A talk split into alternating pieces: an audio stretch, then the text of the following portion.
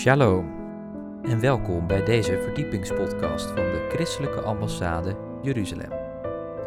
Mijn naam is Joshua Beukers en samen met Bijbelleraar Jacob Kerstra gaan wij weer een verdieping zoeken in de Hebreeuwse wortels van ons christelijk geloof. In aflevering 169 gaan wij het hebben over Advent. Wilt u deze beelden terugzien? Bekijk dan ons YouTube-kanaal. Wij wensen u veel luisterplezier. Oude Testament een paar versen uitlezen. Malachi. En er staat een tekst in wat mij trof. En dat is al, oh ja, iets eerder, dat is, ja, helemaal goed. We beginnen bij Malachi 3, vanaf vers 1. En er staat, zie, ik zend mijn engel, die voor mij de weg bereiden zal. Plotseling zal naar zijn tempel komen de Heer, die u aan het zoeken bent. De engel van het verbond in wie u uw vreugde vindt. Zie, hij komt, zegt de Heer van de legermachten. Maar wie zal de dag van zijn komst verdragen? Wie zal bij zijn verschijning stand houden? Want hij is als vuur van een edelsmid en als zeep van de blekers. Tot zover. Wat mij trof in deze adventstekst, het woord plotseling zal. En dan ben je over het nadenken, Gods woord aan het bestuderen, en dan valt je ineens een patroon op. Een patroon in de Bijbel van verwachting, van hoop, soms langgerekte hoop, en dan ineens, plotseling zal, de vervulling.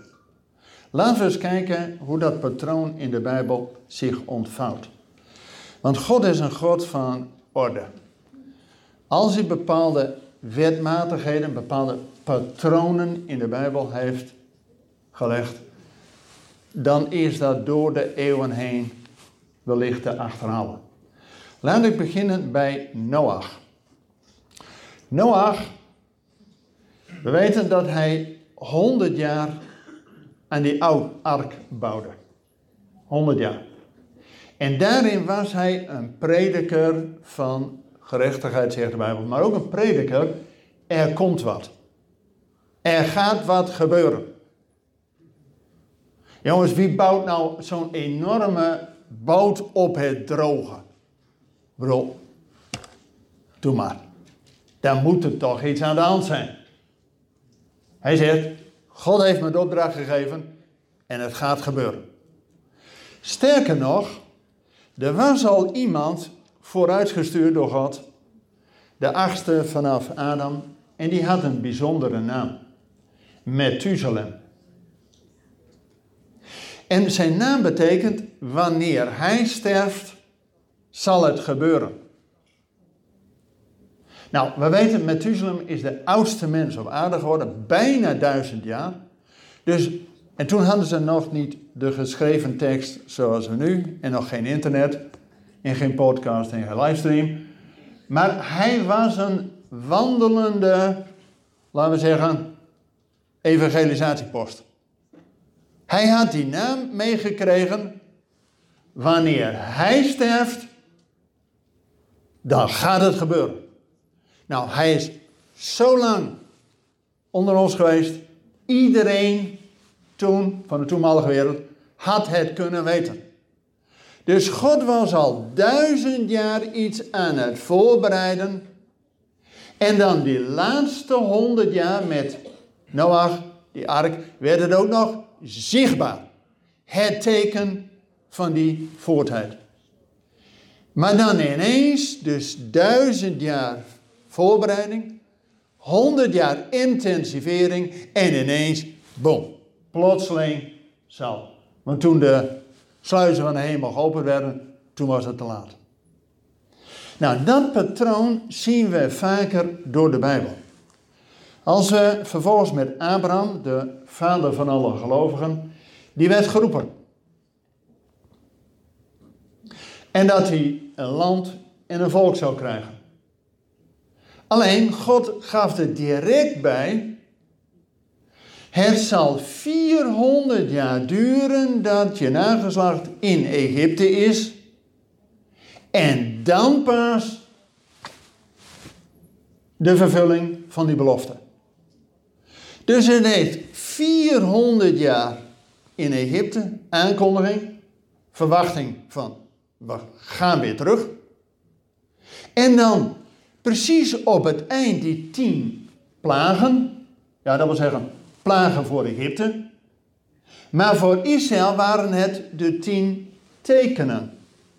Tien tekenen dat God sterker is dan die afgoden van Egypte. En dan het gek is, het is 400 jaar aangekondigd. We weten niet precies hoe lang die tien plagen duurden. Stel half jaar, misschien korter. In ieder geval, het werd geïntensiveerd van met die paar. Er komt wat. En toch, overhaast moest Israël s'nachts, notabene, uit Egypte vertrekken. Dat was redelijk plotseling. Normaal gesproken, als je 400 jaar ergens bent, nou, dan heb je een heel afscheidsgebeuren en dan heb je een uitzwaaikomité en dan krijg je een lunchpakketje mee en weet ik wat. Nee, het was laatste teken, bloed aan de deurportel. Het lam werd gezakt, maar overhaast moeten ze het eten en boem, s'nachts nog move. Dus ook weer plotseling gebeurt het. Het was 400 jaar voorbereid, laatste half jaar intensiveren en in één keer, boom, plotseling zal. Alleen, Israël komt dan in het land. Dus de belofte aan Abraham wordt dan vervuld. Het heeft even geduurd, 400 jaar. Nou ja, als je dit met Hebreeuwse oren leest, dan is 400 niet zomaar iets. We weten en we geloven en beleiden, Jezus is onze alfa en omega, begin en eind. Ja, ook hier in Roosendaal? Oké, ik ben nog wakker. Helemaal hoor. Helemaal. Hou hem vast. In het Hebreeuws is dat, Jezus is de alef en de taf. Eerste en laatste letter. De eerste letter in het Hebreeuws is ook nummer 1, getal 1. Nou, wie is onze eersteling? Jezus. Maar 400 is het getal van de laatste letter. Dus hij is niet alleen degene die voor ons gaat, maar ook degene die achter ons. Dus als 400 jaar compleet is, het hele alfabet vol, dan is het move. Ja, die farao die zei, nou dat mag allemaal niet. Jongens, die farao had nog niet eens een zwemdiploma. Dus waar heb je het over? Als God zegt go, dan is het go. Om de belofte aan de vader van gelovigen te vervullen. Precies na 400 jaar en de Bijbel zegt op de dag af. Met andere woorden, we hebben een God die het. Ja, we hebben het eerste lied al genoemd. Hij houdt de wereld in zijn hand. Nou, hier laat hij gewoon zien dat wat hij beloofd heeft, dat hij dat zelfs op de dag af doet. Zo'n God hebben we. Maar God had aan Abraham beloofd twee dingen: een land en een volk. Mooi. Amen. Maar wat hebben wij daaraan? God had aan Abraham gezegd: Ik al zal u zegenen om tot een zegen te zijn voor alle volken. Wat is alle volken? Alle. Wij ook? Wij ook. Oké. Dus mooi dat God de belofte aan Abraham vervult. Landen de volk bij elkaar. Maar in for me?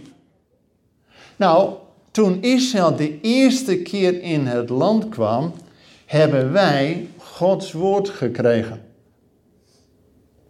De Bijbel is geschreven door 40 Joodse mannen. Er was geen Nederlander bij. Dus de eerste zegen hebben we al. Alleen dan komt hij, Israël hield zich ook niet altijd aan wat God gezegd had. Herkent u dat? Ook bij onszelf. Dus God had gezegd: Het land is niet van jullie, het land is van mij. Maar jullie mogen er wonen als je de geboden en de verordeningen en die ik je geef, doe. Doe je dat niet, word je 70 jaar op een zijlijn gezet. Maar God is trouw. Na 70 jaar, al geprofeteerd bij Jeremia, 70 jaar. Dus aan het eind van die 70 jaar had Daniel ook gewoon kunnen afwachten. Zegt, Heer, staat in uw woord, komt er nog wat van? Nee, wat doet hij? Hij gaat bidden. En dan is in verwachting het woord van God proclameren. En hij zegt niet, nou heer, zij, zullen, hebben gezondigd. Nee, hij zegt, wij hebben gezondigd. Maar heer, u bent trouw aan uw woord. En we geloven u op uw woord. Daarom zijn we ook de dienst begonnen met het openen van het woord. Het openen van Gods woord verspreidt licht. Amen. Dus na 70 jaar mogen ze terug. Dus weer land en volk bij elkaar. Welke zegen is daar voor ons uitgekomen? We weten de tweede keer toen Israël in het land was, dus na de ballingschap, dat wij Gods zoon in Gods geest hebben gekregen. Maar hetzelfde patroon, dus 70 jaar aangekondigd, dan in de gebeden van Daniel intens en dan in één keer plotseling mogen ze gaan. Ook bij de komst van Jezus, onze Heer en Heiland, hetzelfde patroon. Is notabene al bij Adam en vooral aan Eva aangekondigd, er zal een verlosser komen. Die zal de tegenstander de kop vermorzelen. Dus dat is al even aangekondigd, weet je wel. En zelfs een heidense profeet Biliam, die werd ingehuurd om het volk te vervloeken, maar God zegt, ho, ho. Je gaat niet vervloeken wat ik gezegend heb. Dus zelfs Biliam kon niks anders dan zeggen, er komt een ster uit Jacob. Maar die komt. En uit Jezaja, een kind is. Nou, dat is profetisch al proclameren. En dan het gekke is, het is dus al 4000 jaar aangekondigd. Het is nog intenser. En dan ineens, de engelen die bij Maria op de stoep staan. Had zij ook niet verwacht. Nee toch, ik bedoel, toch, plotseling gebeurt het. En dan, niet alleen bij de komst van Jezus, hetzelfde patroon bij de Heilige Geest. Is al 600 jaar eerder aangekondigd bij Ezekiel dat God zijn volk Gods geest zal geven. Jezus zegt, blijf tien dagen in Jeruzalem en verwacht totdat u bekleed wordt met kracht uit de ogen. Dus ook weer 600 jaar aangekondigd. Het laatste stukje wordt het intens. Wat deden die mensen trouwens, die discipelen, die tien dagen? Bidden en vasten. Dat is een belangrijke. En dan in één keer, wanneer de tijd vervuld is, plotsklaps. Nou, hoe plotseling wil je het hebben? En weet u, als we dat nou doortrekken, dat patroon, dan is natuurlijk de vraag, wat is dat nu voor teken voor ons? Nou, we zien aan Gods volk dat ze eerst in Egypte waren. Terug hebben wij Gods woord gekregen. De tweede keer ballingschap en terug hebben wij Gods zoon en Gods geest gekregen. En wat zegt de Bijbel? Romeinen 15. Wij hebben alle zegen via Israël ontvangen. Gods woord, Gods zoon in Gods geest. Amen. En Jezus zegt zelfs ook tegen de Samaritijnse vrouw: Het heil is uit de Joden. Amen. Alleen we weten, na de uitstorting van de Heilige Geest, 40 jaar daarna, is de tempel verwoest en zijn de Joden over de wereld verspreid. Hebben ze het evangelie meegenomen. Tot aan Roosendaal toe. En nu zien we iets bijzonders. Dat God zijn volk terugbrengt in het land. Dus, en de Bijbel zegt, dat zal de derde en laatste keer zijn. Jezaja 11. Alleen nu is de grote vraag voor ons, wat hebben wij daar nou aan? Dus dat Israël terug is in het land, welk als een teken voor ons, wat hebben wij daar nou aan?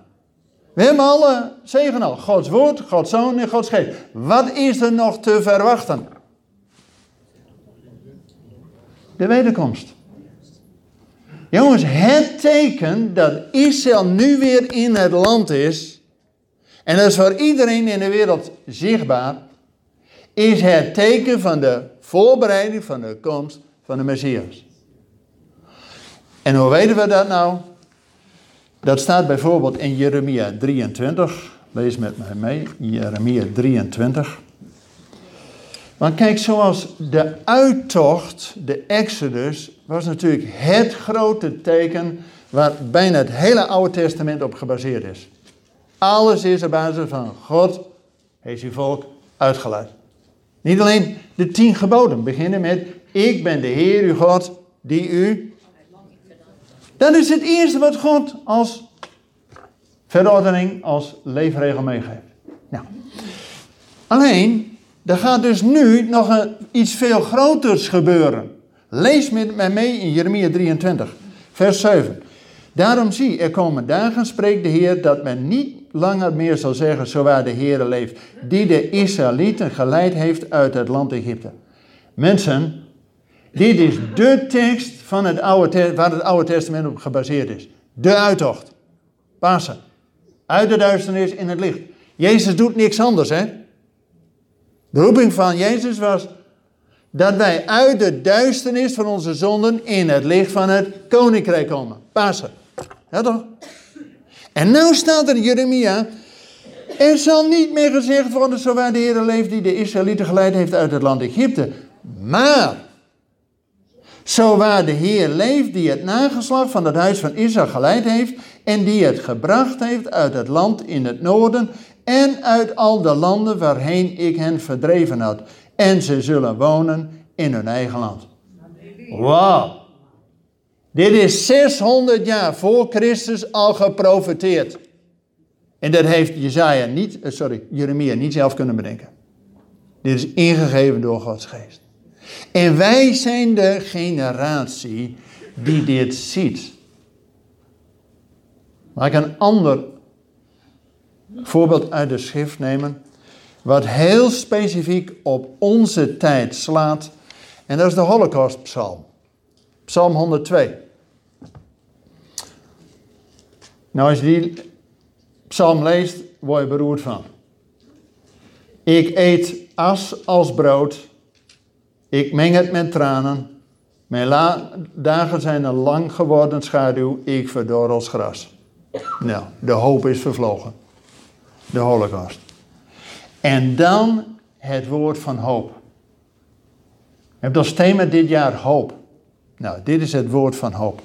Maar u, Heer, u blijft voor eeuwig. De gedachtenis van u van generatie op generatie. U zult opstaan en u zult zich ontfermen over Sion. Want de tijd om haar genadig te zijn, de vastgestelde tijd is gekomen. En weet u, 1948 is niet zomaar toevallig dat de staat Israël ontstaan is. Weet u, is het begin van de schepping, Adam en Eva, dat is het echte nulpunt. Noach hebben we gehad, de tiende generatie. Abraham is de twintigste generatie. Abraham is geboren in het jaar 1948 vanaf de schepping. En in onze jaartelling is de geboorte van Jezus ook weer op nul gezet. En in 1948 is de staat Israël ontstaan. Dat is niet toevallig. En weet u, wat zegt dit nou voor ons? Natuurlijk de vraag uit Jeremia, uh, sorry, dit is dan uit Jezaja. Kan een volk in één dag geboren worden? Nou, 14 mei 1948, in een half uur. Smiddags 12 uur gingen de Britten de vlag uh, laten zakken in Tel Aviv. En smiddags tussen 4 en half 5 sprak David Ben Gurion de grondwet van Israël. Dus in een half uur kan een volk geboren worden. En wat is dit nou voor ons? Dat is de vraag. Lees verder in deze psalm, psalm 102, vers 19. Dit wordt beschreven voor de volgende generatie. Het volk dat geschapen wordt, zal de Heere loven. Nou, dat is in het Nederlands. In het Hebreeuws staat er niet de volgende generatie, want dat klinkt zo volgende, dan weer de volgende. Nee, in het Hebreeuws staat er, dit wordt opgeschreven voor de laatste generatie. Jongens, dit spreekt over ons. Wij hebben persoonlijk misschien niet 1948, de Holocaust 1948, meegemaakt. Maar hoe lang duurt de generatie? De Bijbel zegt 70 jaar, 80 jaar, maximaal 120, zoals uh, Mozes werd. In ieder geval, we zijn al bijna 75 jaar onderweg. Dus de tijd wordt spannend. En weet u, plotseling zal. Dat is net als in de dagen, wat Jezus zegt, het zal zijn als in de dagen van Noach. Het zal zijn als in de dagen van Lot. Men was druk met van alles en nog wat, maar niet bedacht op de dingen van God. Nog twee voorbeelden. Ook met die aankondiging, intensivering en plotseling. In de Bijbel wordt heel vaak het beeld van een huwelijk. En zeker ook van een zwangere vrouw. Nou, we weten allemaal, zwangere vrouw, negen maanden in verwachting. En dan die laatste tijd, dan wordt het intens. En dan plotseling de weeën. Tot slot, de tien maagden. Tien staat in de Bijbel voor een gemeente. En die gingen alle tien op weg. Ze hadden verwachting. Maar de tijd duurde en ze sliepen allen in. De hele gemeente sliep in. En dan plotseling, te middernacht, wanneer niemand bedacht is, de bezuin en de bruidegom. En dan is de vraag, wie zijn voorbereid?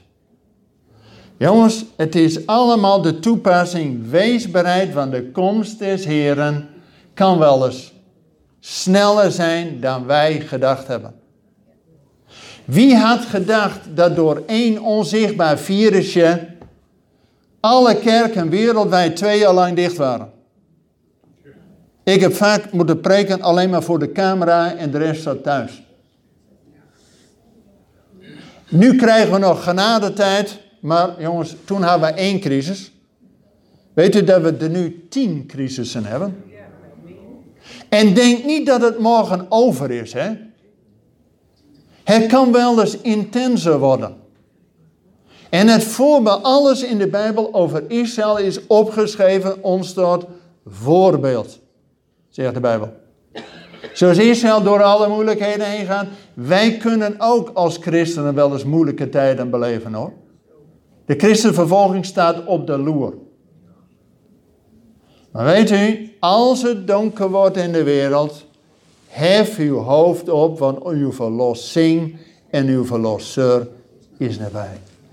We hebben niet voor niks Psalm 118 aan het begin. Dit is de dag die de Heer heeft gemaakt.